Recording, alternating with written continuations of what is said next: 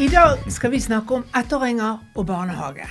For psykologer rapporterer om forskningsresultater som vi ikke kan kalle annet enn politisk ukorrekt. Og vi skal snakke om ufoer. Nei, ikke science fiction, vi snakker seriøs forskning. For du hører på Forskningspodden. Jeg heter Anne Sundevåg. Og jeg er Bjørnar Kjensli.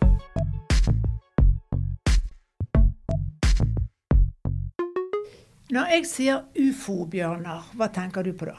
Nei, Da tenker jeg på et utenomjordisk fenomen, da, som kanskje et romskip fra en annen planet. Nettopp.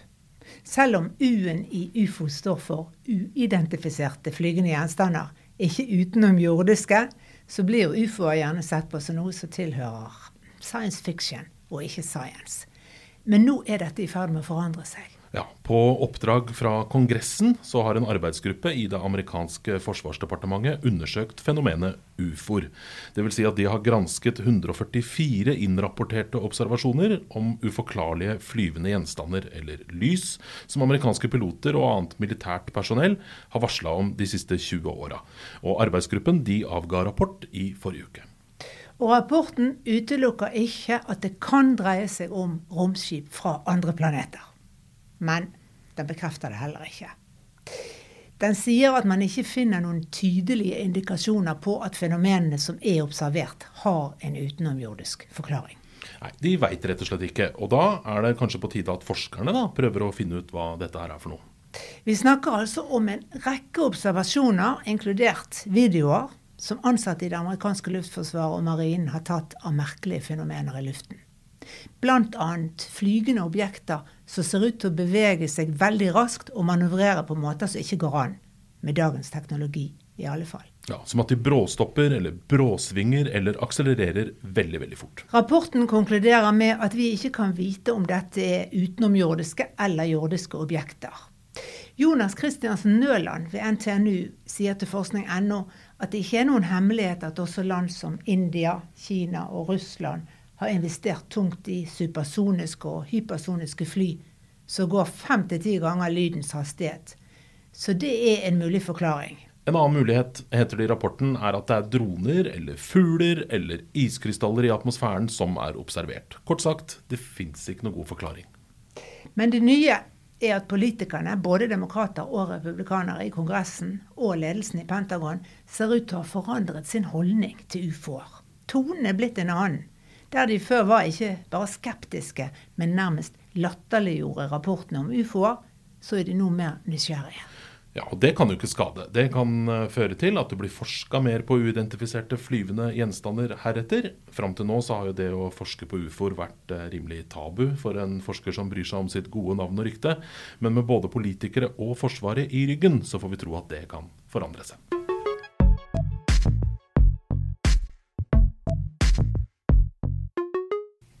Opplest og vedtatt at barnehager er bra både for barna, for likestillingen og for arbeidslivet.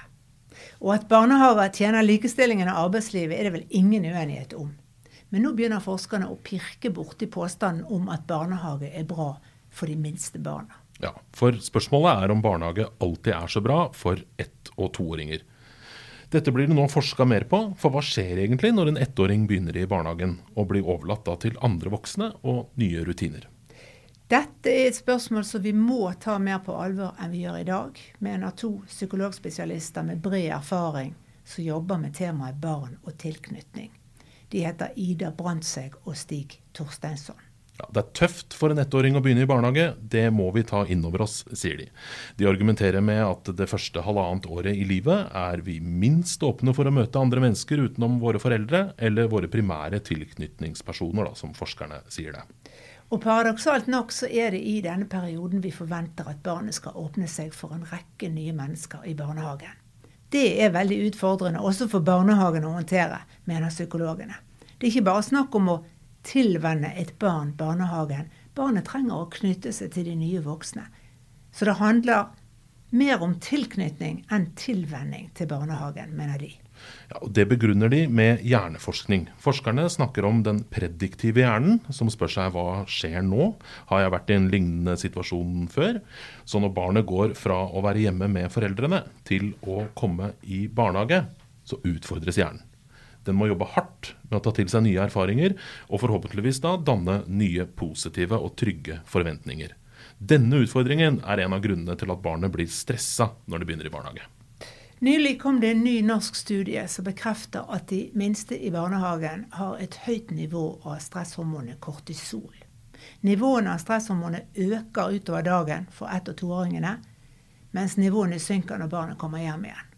Og nivåene av kortisol øker mest hos de barna som er åtte timer eller mer i barnehagen. Den samme tendensen viser en annen europeisk studie som kom i mai i år.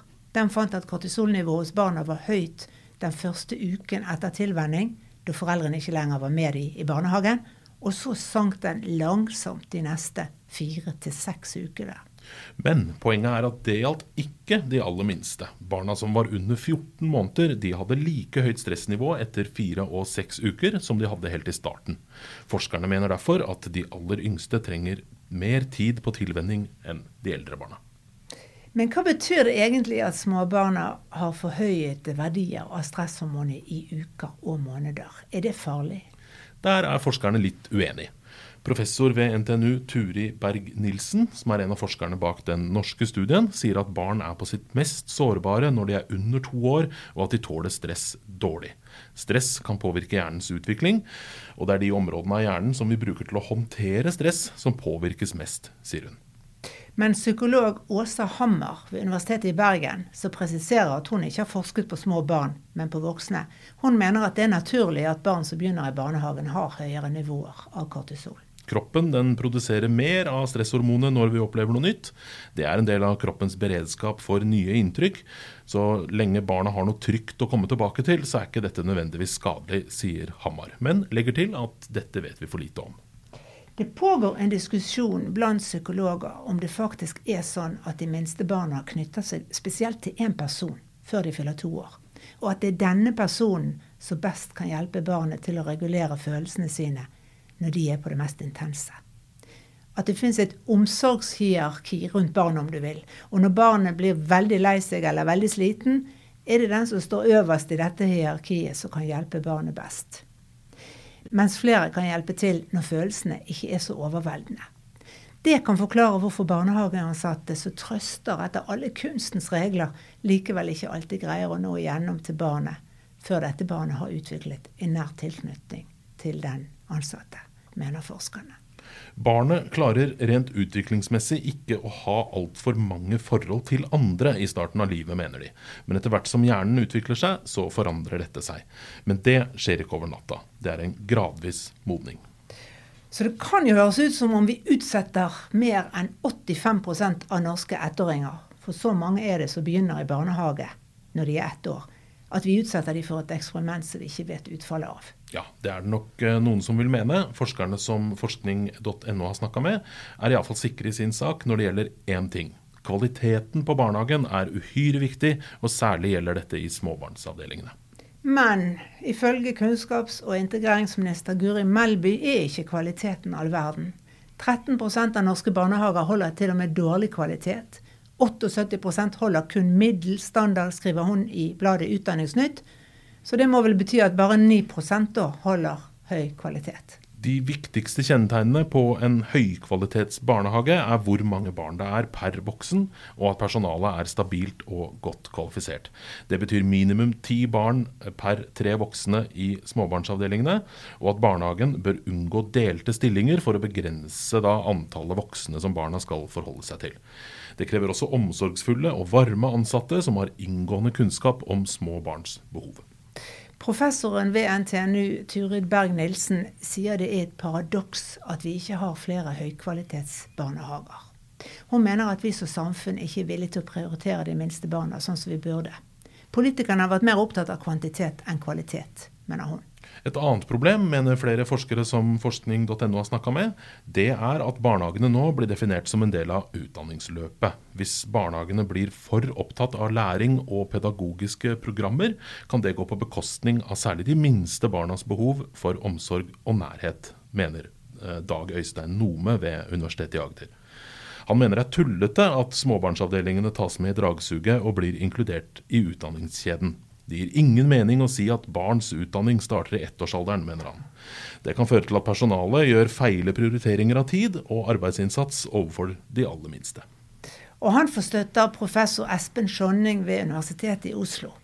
Når man definerer barnehagen som en del av utdanningsløpet, så vil man ha oss til å tro at alle barn må i barnehagen så tidlig som mulig, så de ikke skal bli hengende etter på skolen, droppe ut av videregående eller havne på Nav skriver han i en polemisk kommentar til forskning.no. Psykologiprofessor Turi Berg-Nilsen mener at alt fokuset på full barnehagedekning har gjort at vi har tenkt eh, mer på likestilling enn på barnas beste. Det er politisk ukorrekt å mene at eh, foreldre må få lov til å ha mer tid sammen med ett- og toåringer. Da blir hun nemlig stempla som en som ønsker kvinnene tilbake til kjøkkenbenken. Men det er en avsporing, sier hun. Vi må legge til rette for hva som er best for barna, uten at det går utover kvinnen. Far kan være en like god omsorgsperson som mor. Det har ikke noe med kjønn å gjøre, sier hun. Og For å avslutte der vi startet dette temaet. Er barnehager bra for ett- og toåringer? Barnehageforsker Anne Greve ved Oslo OsloMet syns egentlig ikke det er det mest interessante spørsmålet. Hun vil heller diskutere hva som er en god barnehage. Det er heldigvis godt dokumentert at gode barnehager er bra også for de minste barna, sier hun. Men barn er forskjellige, barnehager er forskjellige, og alternativet, da, hjemmene, er også forskjellige. Så svaret er ikke et enten-eller på det spørsmålet heller.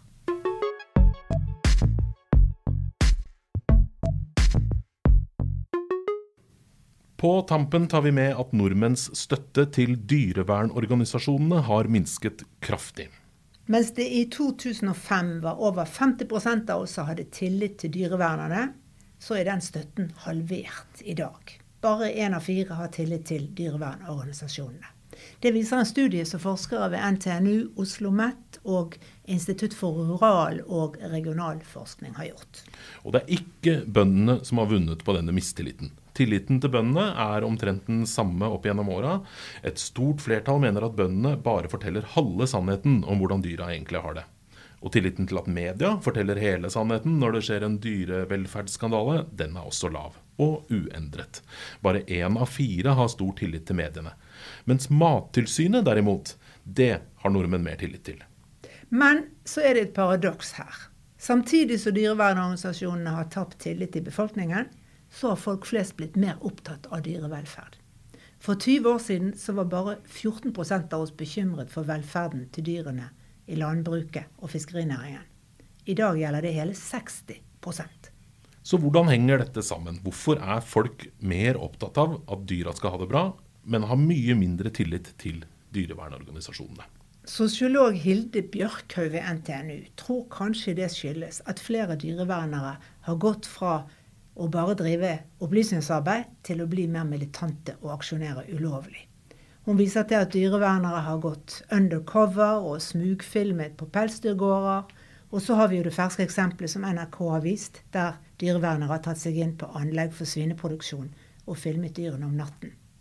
Fra annen forskning så vet vi, sier Bjørkhaug, at når aktivister går til ulovlige handlinger for å oppnå sine mål, så kan de lykkes med å sette saken på dagsorden.